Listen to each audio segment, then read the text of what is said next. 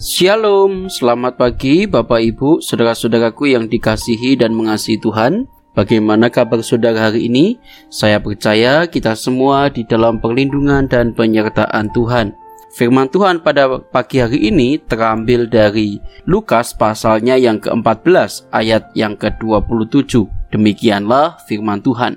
Barang siapa tidak memikul salibnya dan mengikut aku, ia tidak dapat menjadi muridku. Nah, Bapak Ibu yang dikasihi dan mengasihi Tuhan, sebagai seorang murid Kristus, kita selalu diperhadapkan dengan banyak pilihan setiap hari. Pilihan itu terasa berat ketika salah satu pilihan melawan kedagingan kita, dan salah satunya lagi memuaskan kedagingan kita. Pada titik tersebut, kesetiaan kita dalam mengikut Yesus itu diuji. Nah, dalam pembacaan firman Tuhan hari ini, Lukas 14 ayat yang ke-27 mengingatkan kita bahwa Alkitab juga secara implisit menjelaskan bahwa keputusan kita mengikut Yesus harus diikuti dengan komitmen untuk memprioritaskan Dia di atas segalanya, bahkan melebihi nyawa kita sendiri. Itu artinya kita harus membuat pilihan setiap waktu untuk mengikuti ajaran Yesus dan bukan melakukan apa yang bertentangan dengan firman-Nya. Bapak Ibu, saudara-saudaraku yang dikasih dan mengasihi Tuhan, menjadi seorang Kristen dan menjadi murid Yesus adalah dua hal yang berbeda arti. Sejak Yesus melakukan mujizat, banyak orang itu mengikuti Yesus tetapi hanya sedikit yang mau menyangkal diri untuk menjadi muridnya. Dengan demikian, Bapak Ibu, saudara-saudaraku yang dikasih Tuhan, ciri-ciri seorang murid itu adalah mau diajar, mau berkomitmen, dan bersedia untuk ditegur serta dikoreksi. Menjadi murid berarti harus selalu taat dalam kebenaran dan disiplin secara rohani, Bapak Ibu. Bahkan ketika ada proses yang membuat kita merasa tidak nyaman, kita tidak menghindar atau mengambil jalan pintas yang tidak sesuai dengan firman Tuhan.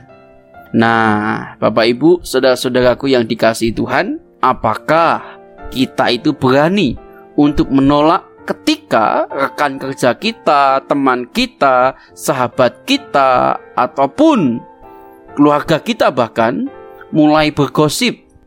Apakah kita berani untuk menolak ajakan untuk pergi ketika sudah waktunya kita beribadah kepada Tuhan.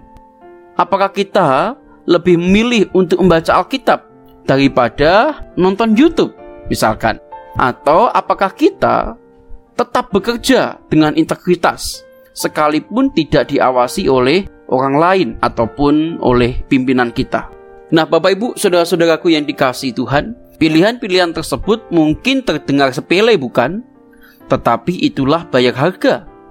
Tingkat kedewasaan kita sebagai murid dapat dilihat dari keputusan-keputusan yang kita ambil hingga hal-hal terkecil sekalipun Bapak Ibu. Menjadi murid Kristus itu adalah proses umur hidup, bukan peristiwa semalam.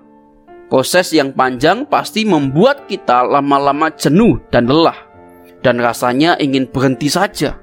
Tetapi Bapak Ibu yang dikasih Tuhan, Tuhan itu berjanji kok bahwa ketika kita setia sampai akhir sebagai murid Yesus, kita akan menerima mahkota yang kekal dan turut serta dalam kekekalan bersama Kristus.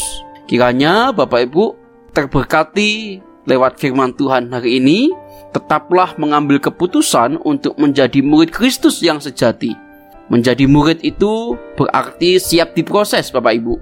Diajar dan ditegur. Sebab itu teruslah teguh memegang kebenaran Meskipun itu sulit adanya. Tuhan Yesus memberkati kita. Mari kita berdoa. Tuhan terima kasih untuk sapaan firman-Mu pada hari ini. Kami sadar bahwa kami rindu untuk menjadi murid-Mu yang selalu hidup di dalam kebenaran-Mu. Oh Tuhan kiranya Engkau boleh mengirimkan orang-orang yang dapat membuat kami semakin dekat dan bertumbuh di dalammu. Hambamu berdoa ya Tuhan pada kesempatan hari ini untuk setiap kami yang mendengar firman hari ini. Tuhan berkatilah setiap lika-liku kehidupan kami, setiap pergumulan kami, maupun setiap pekerjaan, bahkan studi kami masing-masing. Kiranya Tuhan boleh menyertai kami. Hamba berdoa ya Tuhan untuk segala aktivitas yang kami kerjakan sepanjang hari ini. Kami mohon pimpinan dan penyertaan. Demi Yesus Kristus kami sudah berdoa dan mengucap syukur. Haleluya. Amin. Selamat beraktivitas Bapak Ibu, saudaraku yang dikasih Tuhan. Tetap semangat Stay safe, stay healthy, stay worship, and God bless you.